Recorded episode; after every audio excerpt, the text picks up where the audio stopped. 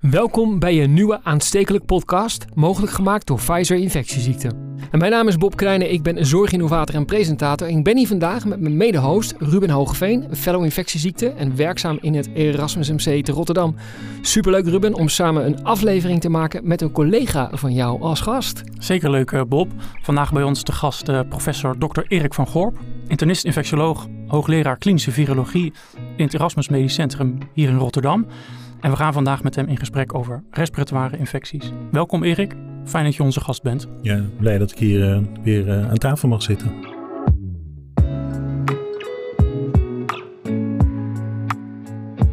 Nou, als we kijken naar uitbraken, uh, dan hebben we het vooral over virusinfecties. Als je kijkt naar toekomstige pandemieën, we weten niet wat dat wordt, maar dat het ooit weer uit de luchtweginfecties hoe komt, dat is zeker. Als we alleen richten op wat we zien, dan gaan we ook dingen missen.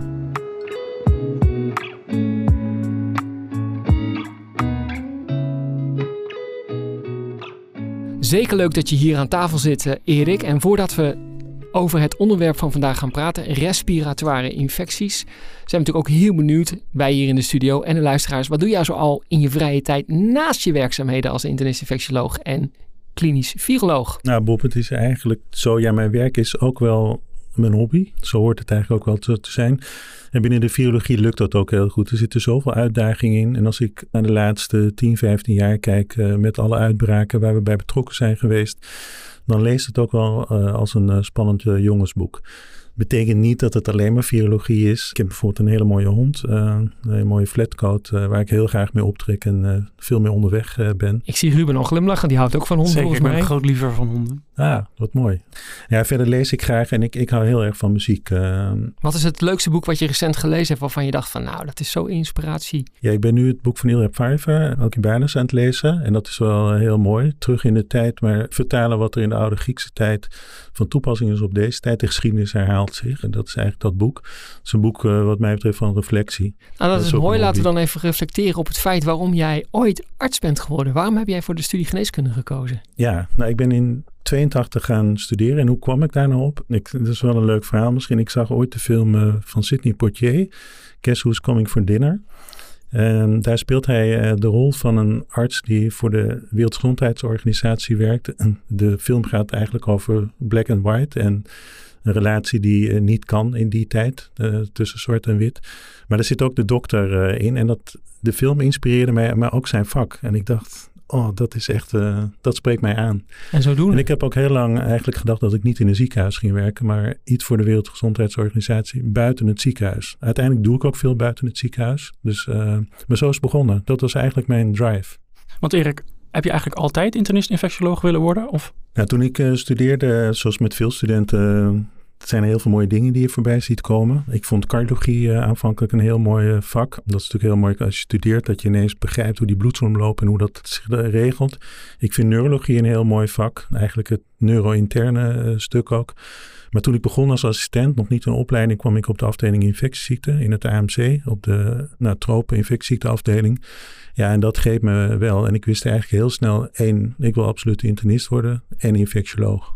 En ook dat is dus gelukt. Ja, dat, dat is gelukt. Want dan, moet je, ja, dan ga je eerst een opleiding en dan later doe je je specialisatie. Dus, dus die, ja, die tricken die ik toen had, die drive, heb ik vast kunnen houden. En gelukkig ook dat ik een opleiding kon. En daarnaast ook ja, de klinische virologie, hoogleraar inmiddels. Is dat een apart ja, pad is, geweest of is dat gewoon ja, toevallig zo gekomen? Apart als internist inderdaad wel. Want hoe zit dat dan met virologie en uh, internist? Er zitten niet veel internisten op de afdeling virologie. Ik ben de enige. Maar ik heb uh, vanaf mijn jonge jaar uh, naar infectieziekten. Als je kijkt naar tropen-gerelateerde infectieziekten, zijn dat veel virusinfecties. en ik kwam al jong in aanraking met een patiënt op de afdeling. In die tijd in het AMC op de afdeling infectieziekten met een hemorragische koorts van dengue.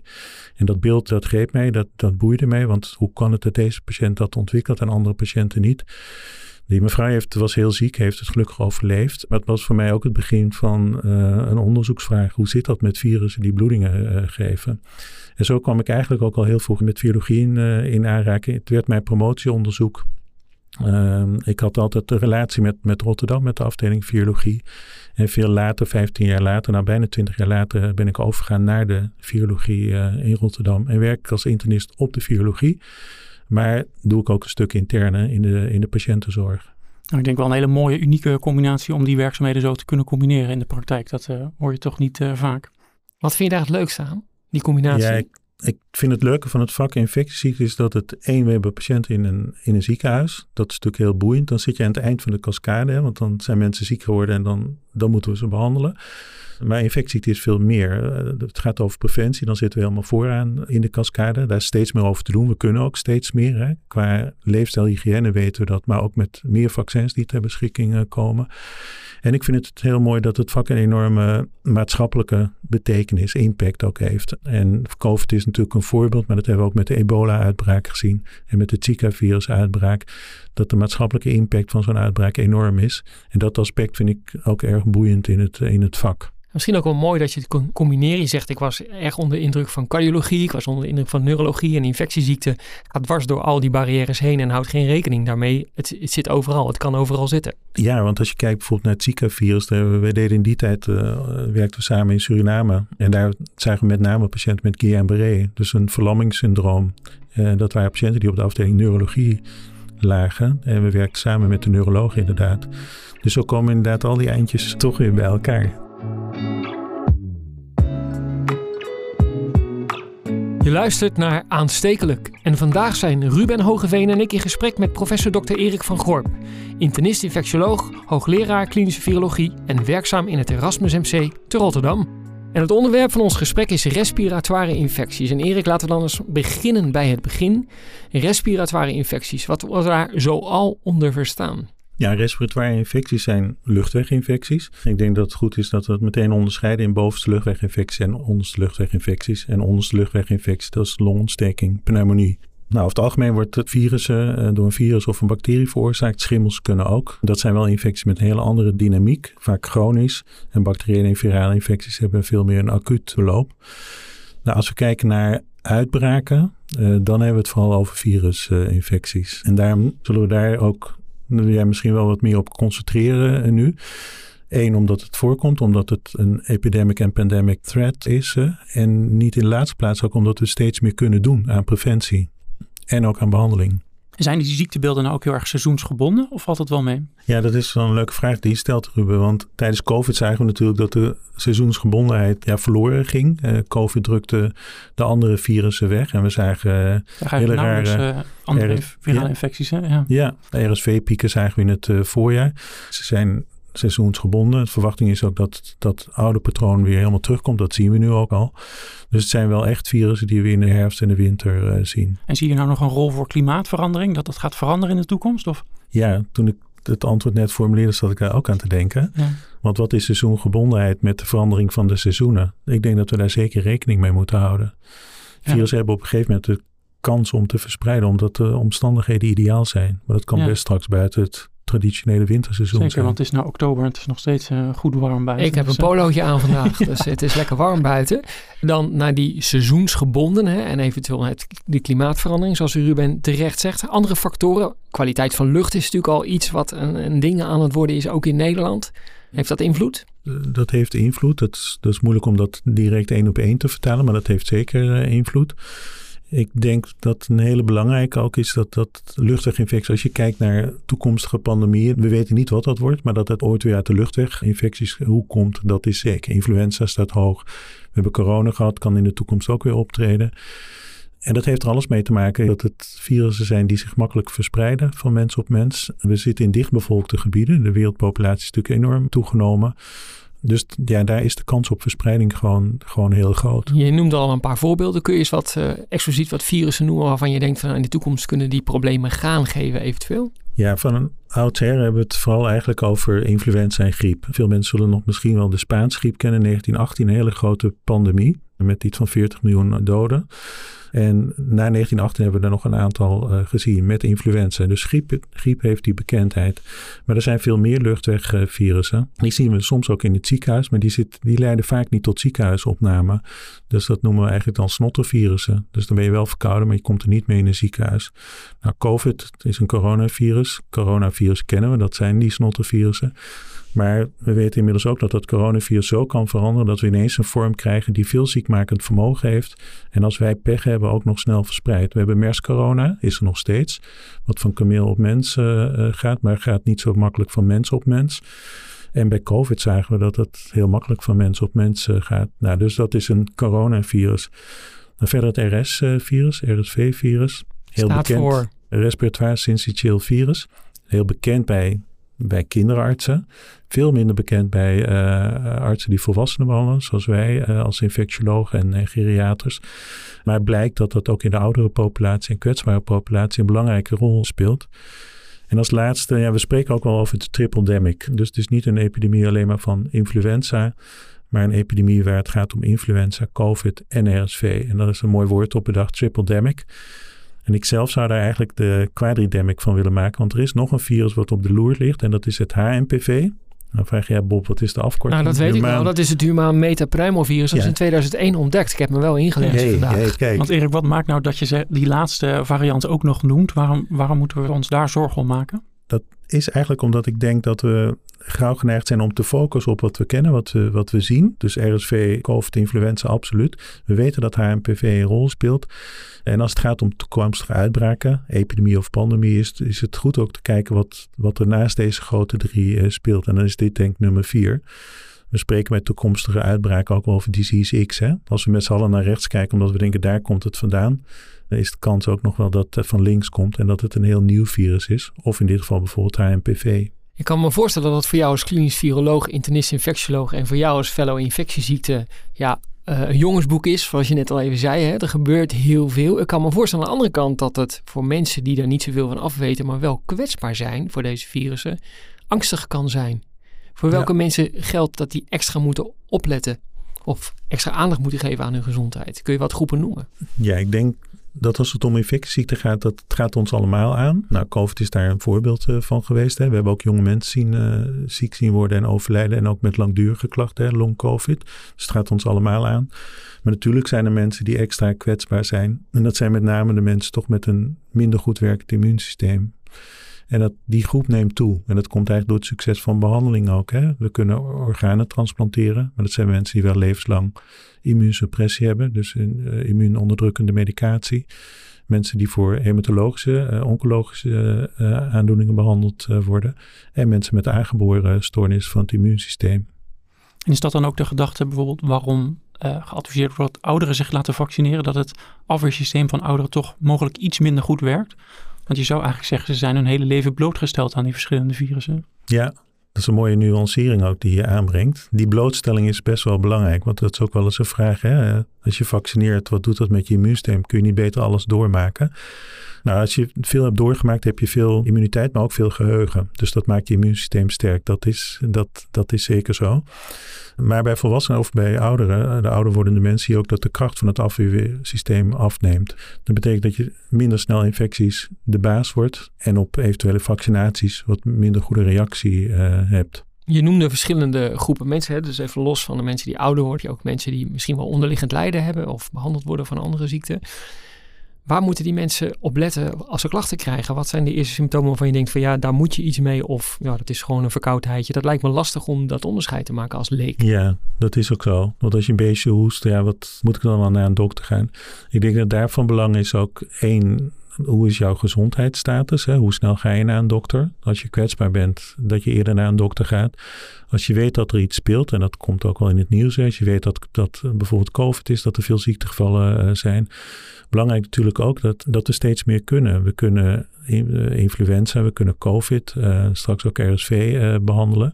En van die behandelingen weten we dat je dan wel heel snel bij een dokter moet zijn, want die behandelingen zijn met name heel vroeg in de infectie. Uh, ja, precies. Dus je moet eigenlijk als leek moet je dan een soort van, ja, wanneer is het moment dat je denkt van ik moet nu getest worden of niet, of het is even een verkoudheidje. Dat lijkt me, ik vind het zelf ook lastig. Ja, ik denk dat met name voor kwetsbare en mensen weten dat eigenlijk wel, hè, als ze dat zijn, dat dat juist de mensen zijn die laagdrempelig snel bij een dokter komen. Snel diagnostiek. Maar daar is nog veel te winnen, want dat is een stuk samenwerking tussen de eerste en tweede lijn. Het zijn vaak middelen die we in de tweede lijn wel kennen, maar nog niet in de eerste lijn zo gebruikelijk zijn om te geven. Maar daar moeten ze eigenlijk wel hun plek gaan vinden.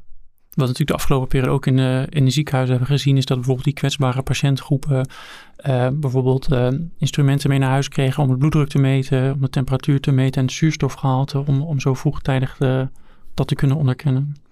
Zie je daar ook nog een rol voor in de toekomst? Dat dat, uh, dat, dat meer ook naar de eerste lijn bijvoorbeeld gaat? Ja, ik denk met heel veel als het om vroegbehandeling en preventie gaat, ik denk dat we dan op de eerste lijn zijn aangewezen, inderdaad. Ja. ja. Want dat is toch het eerste station waar uh, patiënten aankomen. Dat is ook de tijdswindow dat je effectief kunt zijn met je eventuele interventie. Wat als zo'n patiënt dan komt met klachten, die meldt zich bij de huisartsenpost. Wat heeft een huisarts dan in zijn arsenaal zitten of zijn haar arsenaal zitten om die patiënt in ieder geval een, een diagnose of een waarschijnlijkheidsdiagnose mee te geven en eventueel een behandeling? Of moet dat meteen door naar de tweede lijn, vind jij? Nee, ik denk dat dat een combinatie is wat we net ook zeiden. Enerzijds kliniek en dat je weet dat er iets circuleert. Als je midden in het griepseizoen zit en je hebt een patiënt met koorts en, en, verkoudheid, hè, dan, ja, dan is de kans natuurlijk groot dat influenza. Dus je moet dus ook kennis over de epidemiologie. Maar goed, tijdens een uitbraak weet je dat. Dus dat is belangrijk. En natuurlijk de klinische symptomatologie. Dus hoge koorts, benauwdheid. Daarvan weten we ook dat dat ook nog virusspecifiek is. Bij COVID, eh, nou dat weet jij ook Ruben, hebben mensen gezien die aanvankelijk helemaal niet zo benauwd waren. En hun verhaal vertelden, maar twee uur later niet meer. Dus het is ook het, het, het kennen van het klinisch beeld en en misschien ook wel goed, dus educatie, het verspreiden van kennis, maar ook onder collega's, maar ook onder publiek is belangrijk. Dat mensen weten waarom moet ik dan naar een dokter? Uh, wat is dan de consequentie daarvan? Oh, er is een behandeling. Dat geldt ook voor vaccinatie. Wat komt er allemaal aan aan vaccins? En uh, waarom zou ik daarvoor in aanmerking komen?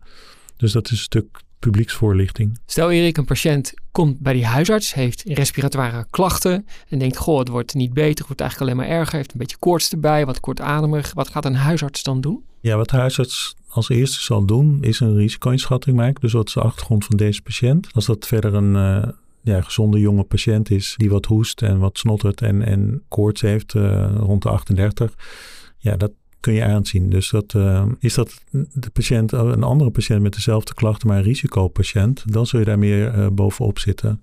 Want dat zijn patiënten dat als er behandeling is, gediend zijn bij, uh, en gebaat zijn bij, bij vroegbehandeling. Dus één kun je niet voor alle patiënten dat tegelijk. Dus een risico-inschatting is belangrijk. Eén, wat is de symptomatologie? En twee, wat is de achtergrond van de patiënt? En komt deze patiënt voor behandeling in aanmerking, voor vroegbehandeling? Als er behandeling is, hè, voor het wat is dan het moment voor zo'n huisarts om te denken: goh, uh, is exacerbatie, het gaat niet beter. Ik ga hem doorsturen naar de tweede lijn, jullie in dit geval. Ja, ik denk dat het belangrijk is dat die patiënten vervolgd worden. Hè? Dus ook als je een behandeling al dan niet inzet, dat je kijkt uh, hoe het gaat de dagen erna. En als er een knik in het verhaal komt, dat die patiënten snel worden ingestuurd. Ja, het voordeel is natuurlijk dat huisartsen ook in de tijd kunnen werken. Maar in de praktijk kan het natuurlijk best lastig zijn om het onderscheid ook tussen een virus of een bacterie te maken. Ja. Dus ja, met name werk in de tijd heeft, uh, ja. is belangrijk. Dat is belangrijk. En uiteindelijk, en daar gaan we het daar in het tweede blok over hebben, komt de patiënt bij jullie in de tweede ja, lijn. Ja, wat Ruben zegt is denk ik belangrijk. Want in de tweede lijn hebben we natuurlijk toch wel wat meer uh, voorhanden. Hè? Dus waardoor we snel wat meer informatie kunnen krijgen. Uh, ook beeldvorming en, en aanvullend labonderzoek. Waardoor we dat onderscheid, ook niet altijd, maar soms toch wat meer kunnen maken. Luistert naar Aanstekelijk. Leuk dat je luistert. En vandaag zijn Ruben Hogeveen en ik in gesprek met professor Dr. Erik van Gorp, internist-infectioloog, hoogleraar klinische virologie en werkzaam in het Erasmus MC te Rotterdam. En het onderwerp van ons gesprek is respiratoire infecties. En we hebben het vandaag gehad over de verwekkers van respiratoire infecties, met name virussen zoals RSV, COVID, influenza, maar ook HMPV. We hebben het gehad over risicofactoren voor het oplopen van een respiratoire infectie, zoals uh, onderliggend gedrag, kwetsbare ouderen en bijvoorbeeld afweeronderdrukkende medicijnen. We hebben het gehad over wanneer mensen zich presenteren bij een huisarts, de klachten die ze kunnen hebben en wanneer ze verwezen worden naar de tweede lijn. Erik, als mensen dan eenmaal in de tweede lijn aankomen, Wat is dan eigenlijk het eerste waar een uh, zorgverlener op moet letten en wat gaan we eigenlijk met de patiënten doen? Ik denk dat we daar samen over kunnen sparren, Ruben. Want jij bent natuurlijk ook uh, behandelaar. Zeker, maar ik stel nu wel even de vraag. Ja, nou, wat, wat we doen, en dat is eigenlijk wat, wat elke dokter doet. Maar wat we in de tweede lijn doen, is we zullen opnieuw een, heel snel een inschatting maken hoe ziek deze uh, patiënt uh, is. Komt de patiënt met al een bekende verwekker, dus al een bekende diagnose of niet? Altijd rekening houden dat er misschien een alternatieve diagnose of een tweede verwekker. denk aan een bacteriële superinfectie naar een virale infectie, zeker als er een knik in het uh, verhaal uh, zit. En in de tweede lijn kunnen we natuurlijk wat meer bloedonderzoek doen en beeldvorming uh, kunnen doen. Dus een, in ieder geval een röntgenfoto van de longen. En we hebben natuurlijk in het bloedonderzoek kunnen we gebruik maken van, ja, van biomarkers. Dat is best ingewikkeld, uh, de waarde van die biomarkers. Maar in ieder geval CP kunnen we prikken. En er zijn een aantal biomarkers die, hè, zoals het uh, procalcitonin, wat we ook kunnen gebruiken voor onderscheid uh, bacterieel, viraal. Dat kan ons helpen in het verder doorzetten van de behandeling of het uitbreiden van de behandeling of een switch in de behandeling. Nu zei je net van ja, de meeste dokters gaan hetzelfde doen. Echter, in het eerste blokje sprak je over een triple demic. Met andere woorden, dat er verschillende verwekkers zijn. Uh, zijn, we daar, zijn jullie daar alert op? is dat een algemeen besef dat dat mogelijk zou kunnen zijn, een spelen bij deze patiënt? Ja, nou zullen er dat we twee virale verwekkers tegelijk zien, kan wel. Maar dat zien we eigenlijk niet zo heel vaak. Maar wat wel heel erg bekend is, is uh, dat patiënten die ziek zijn en misschien wat beter gaan of nog niet, maar nog niet helemaal opknippen en dan ineens een knik verslechteren, dat je daar rekening mee houdt dat er ook een, een bacterie bijgekomen kan zijn. Dat noemen we dan een bacteriële superinfectie. En dat zijn natuurlijk mensen die bij antibiotica dan uh, gebaat zijn. Lijkt me dat deze mensen heel ziek zijn. Ja, die kunnen heel erg ziek zijn. We doen in het ziekenhuis natuurlijk uh, veel onderzoek. Wordt gekeken naar of we een verwerker kunnen vinden. En er wordt met name gekeken naar de meest voorkomende virale infectors. Ben je nou een voorstander van dat we eigenlijk uitgebreider onderzoek doen om te kijken, zijn er nou nog ook andere verwekkers in omloop waar we niet per se direct naar kijken? Zouden we dat vaker moeten doen? In het kort ja, dat is een hele belangrijke vraag. Want als we alleen richten op wat we zien, dan gaan we ook dingen missen. Nou, wij werken in een academisch ziekenhuis, een tertiair centrum. Daar zie je bijzondere patiënten en dat kan de kwetsbare mensen. En dat, zijn ook, dat is ook de groep waar je nieuwe verwekkers op kunt pikken. Eerder misschien dan in een uh, gezonde populatie met een uh, gezonde onderliggend immuunsysteem. Dus uh, antwoord is ja. En, en dat is dan met name ook in het kader van surveillance is dat heel erg belangrijk. En surveillance bedoel je specifiek het volgen van wat er rondgaat in de bevolking? Ja, dat je wat, wat, wat verder kijkt. Dus we noemen dat dan een breder respiratoire panel met een mooi woord. Uh, dus dat je naar wat meer virussen kijkt. En dat we dan daardoor ook leren wat er bij bepaalde patiënten en patiëntengroepen speelt. Is dat alleen voor de academische exercitie? Of zeg je van nou, dat is ook echt belangrijk om te doen voor het welzijn van de bevolking? Ja, surveillance is heel erg belangrijk. Dat, dat eh, moet buiten het ziekenhuis gebeuren. Dus in een ja, algemene populatie. Dat is een public health zaak dan, hè? GGD, RIVM. Maar ook in de ziekenhuizen inderdaad is dat belangrijk. In die specifieke subpopulaties die we daar zien. Ja, en ik denk ook dat er wel een rol is weggelegd voor uh, uh, wat je zegt, preventie en isolatiemaatregelen in de ziekenhuis, zodat andere ja. kwetsbare patiënten niet uh, blootgesteld worden. Ja. Dus we hebben een patiënt in de tweede lijn met een respiratoire infectie, een onderste luchtweginfectie, die vervolgens opgenomen moet worden in een ziekenhuis. Hoe gaan we dan vervolgens te werk? Ja, dan hebben we het eigenlijk al over een toch meer ernstig zieke patiënt, die in een ziekenhuis wordt, wordt opgenomen. Daar zullen we vaak kiezen voor empirische therapie. Dus dat betekent dat we rekening houden met verwekkers die mogelijk de oorzaak zijn waarvan we dat nog niet weten, omdat de diagnostiek nog niet rond is. En het kan zijn dat we dan voor een antibioticum in combinatie met een antiviraal middel uh, kiezen. In afwachting van verdere diagnostiek. Breed behandelen dus met andere woorden. Ja, ja dat is die empirische behandeling die ja. je dan weer zo snel mogelijk als je diagnostiek bekend wordt versmalt naar een gerichte behandeling. Ja, exact. En ook een beetje afhankelijk van hoe ziek de patiënt is, uh, hoeveel marge er klinisch ja. is om uh, iets ja. te missen. Om en dit is typisch iets van de tweede lijn inderdaad. Uh, veel meer dan de eerste lijn. Als je, ja, het grote voordeel is natuurlijk dat, dat er wel meer onderzoek kunnen inzetten, wat je net al noemde. En dat is wel echt een voordeel inderdaad. Kijken de antibiotic stewardship teams dan ook met jullie mee? Ja, ik, Ruben is uh, lid geweest ik, van het uh, Ik glimlach inderdaad. Zeker, nee, dat uh, speelt zeker een rol in de ziekenhuizen. En dat wordt eigenlijk heel actief elke dag binnen een ziekenhuis gekeken welke antibiotica voorgeschreven worden. Is er nog een noodzaak tot toe en contact gelegd met de voorschrijvers. En worden jullie dan een beetje zenuwachtig als iemand empirisch gaat behandelen iets te lang voor jullie zin? Te breed met het oog op AMR? Nou, we nemen gewoon heel laagdrempelig contact op met de hoofdbehandelaar om, om dat af te stemmen. Als er maar een goed idee achter zit. Ja, zeker, een startdatum en dat je ook over een stopdatum nadenkt. Uh, Ja, dat is natuurlijk belangrijk voor de behandeling, maar ook voor de patiënt kan ik me voorstellen. Hoe, hoe communiceer je dat? Hoe ga je daarmee om? Wat zeg je tegen zo'n patiënt? Nou, ik denk in het algemeen, maar zeker bij dit soort infectieziekten, dat, dat je de patiënt meeneemt in het diagnostisch en te verwachten proces. Dus ook de behandeling uitlegt van het empirische, het brede beginnen en dat je versmalt. En bij heel ingewikkelde infecties moeten we vaak lang en breed behandelen. Uh, mogelijk kans op bijwerkingen ook uh, natuurlijk uh, van antibiotica. want je flora verandert ook. nou ja, dat, dat soort dingen, dat je patiënten voorbereidt op wat ja. er ja, en ik denk dat de voorlichting ook heel belangrijk is. Is dat een onderste luchtweginfectie, daar kun je heel, heel erg ziek van zijn. En dat is toch echt wel anders wat in de volksmond soms als griep of als verkoudheid rondgaat. Je kun je gewoon echt de twee weken heel goed heel ziek van zijn. En ook het herstel daarna. Dus dat onderscheid duidelijk maken is denk ik echt maar een belangrijke in de voorlichting bij Ja, want dat herstel, hè, dat hoor je ook van echt mensen die dit hebben doorgemaakt. Dat kan wel weken tot maanden duren voordat ze weer een beetje op het niveau zitten van voordat ze ziek werden. Ja, ik denk dat jij nu misschien op COVID uh, doet. Nee, echt over of mensen. Al, ja, want ja. dat wou ik ook naartoe. Dat speelt veel breder. Ja, Toevallig zag ik uh, gisteren een studie uh, voorbij komen die ook naar lange termijn klachten bij andere virale luchtweginfecties heeft gekeken.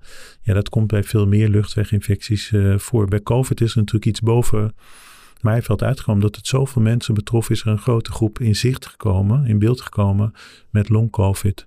Maar ook bij andere luchtweginfecties, wat jij zegt Ruben, speelt dat ook. Maar de aantallen zijn vaak kleiner, waardoor dat niet als groep herkend wordt. en daar wordt nu meer over bekend. Dus Nou ja, en bij COVID is het een hele duidelijk gedefinieerde groep uh, geworden.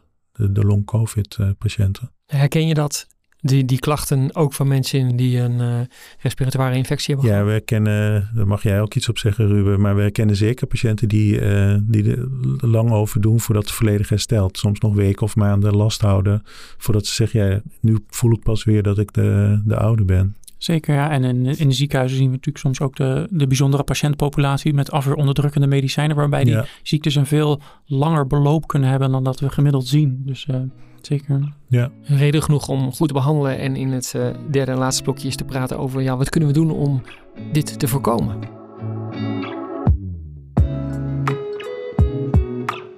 Je hebt het gemerkt, je bent bij aanstekelijk. Vandaag zijn Ruben en ik in gesprek met professor Dr. Erik van Gorp over respiratoire infecties. En we zijn alweer aangekomen in het derde en laatste blokje. En als alternatief einde, heren, heb ik voor jullie een aantal mythes en legendes opgenomen. En die ga ik jullie eens even voorleggen. En tenslotte, Ruben, ben jij fellow infectieziekte, dus jij krijgt er ook een paar voor je kiezen. Ik begin bij jou, Erik. Een mythe is een betere hygiëne beschermt voldoende tegen ziekte. Vaccins zijn totaal niet nodig. Dat kan waar zijn. Als we echt de leefmaatregelen en hygiëne echt effectief toepassen, dan zou dat kunnen. Dat hoop je ook.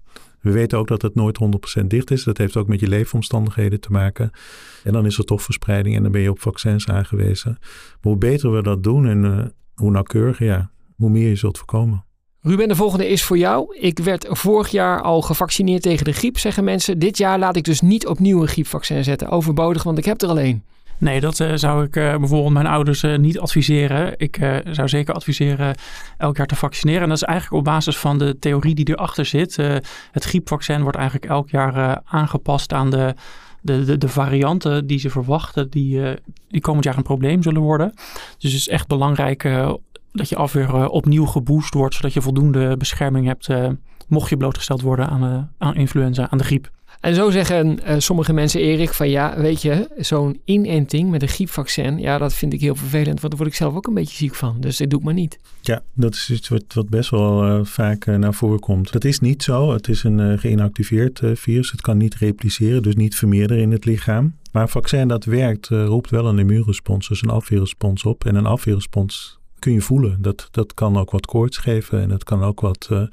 En dat kunnen klachten zijn die best wel lijken dan op een, uh, op een infectie. Maar dat is eigenlijk, we noemen het een bijwerking, maar het is eigenlijk de werking van het vaccin. De werking van het vaccin. En Ruben, het is beter om antistoffen te krijgen door de ziekte zelf meegemaakt te hebben, dan de antistoffen via een vaccinatie. Wat vind je daarvan? In principe is het antwoord van het afweersysteem uh, hetzelfde. Dus je maakt in allebei de scenario's uh, antistoffen tegen een virus. Alleen de prijs die ervoor uh, kunt oplopen, hè, bijvoorbeeld dat je opgenomen wordt op de intensive care, dat is denk ik wel een heel hoge prijs. dus ik denk dat het antwoord hierop niet waar is. Preventie is denk ik beter Preventie dan, is belangrijk. En dan de laatste vraag is voor jou, Erik. Van stel, ik heb hier 20 miljoen voor jou liggen op de plank ter beschikking. En je moet kiezen, ik ga hem inzetten op leefstijl of hygiëne. Of ik ga een vaccin ontwikkelen. Wat ga jij doen? Ja, als ik een keus uh, moet maken, dat heb ik denk al eerder wel gezegd, dan zou ik toch voor leefstijlhygiëne uh, kiezen. En de reden is dat leefstijlhygiëne, als we begrijpen waarom we dat doen, dan kunnen we dat op elk mogelijke uh, infectie die op ons afkomt, kunnen we dat toepassen. En een vaccin, uh, jij werkt tegen die specifieke infecties. Dus dan lossen we één probleem op. Dus als ik een keus moet maken, natuurlijk in de ideale wereld ga je het allebei doen. Maar als ik een keus moet maken, zou ik allereerst op leefstijlhygiëne. Want dat gaat ons vandaag al benefit opleveren. Daarmee zijn we aan het einde gekomen van deze podcast over respiratoire infecties. Veel dank aan onze gast Erik van Gorp, internist-infectioloog en hoogleraar virologie in het Erasmus MC voor je komst naar de studio. Dank jullie wel ook. Luisteraars, bedankt voor het luisteren. En mocht je geïnteresseerd zijn in nog meer aanstekelijke podcasts, ga dan naar www.pfizer.nl/slash infectieziekte. Als laatste dank aan Jordan, onze man achter de knoppen, en Janne voor de prachtige foto's van ons en onze gasten. Tot, de volgende keer. Dag. Deze podcast is mede mogelijk gemaakt door Pfizer. Doorbraken die de levens van patiënten veranderen.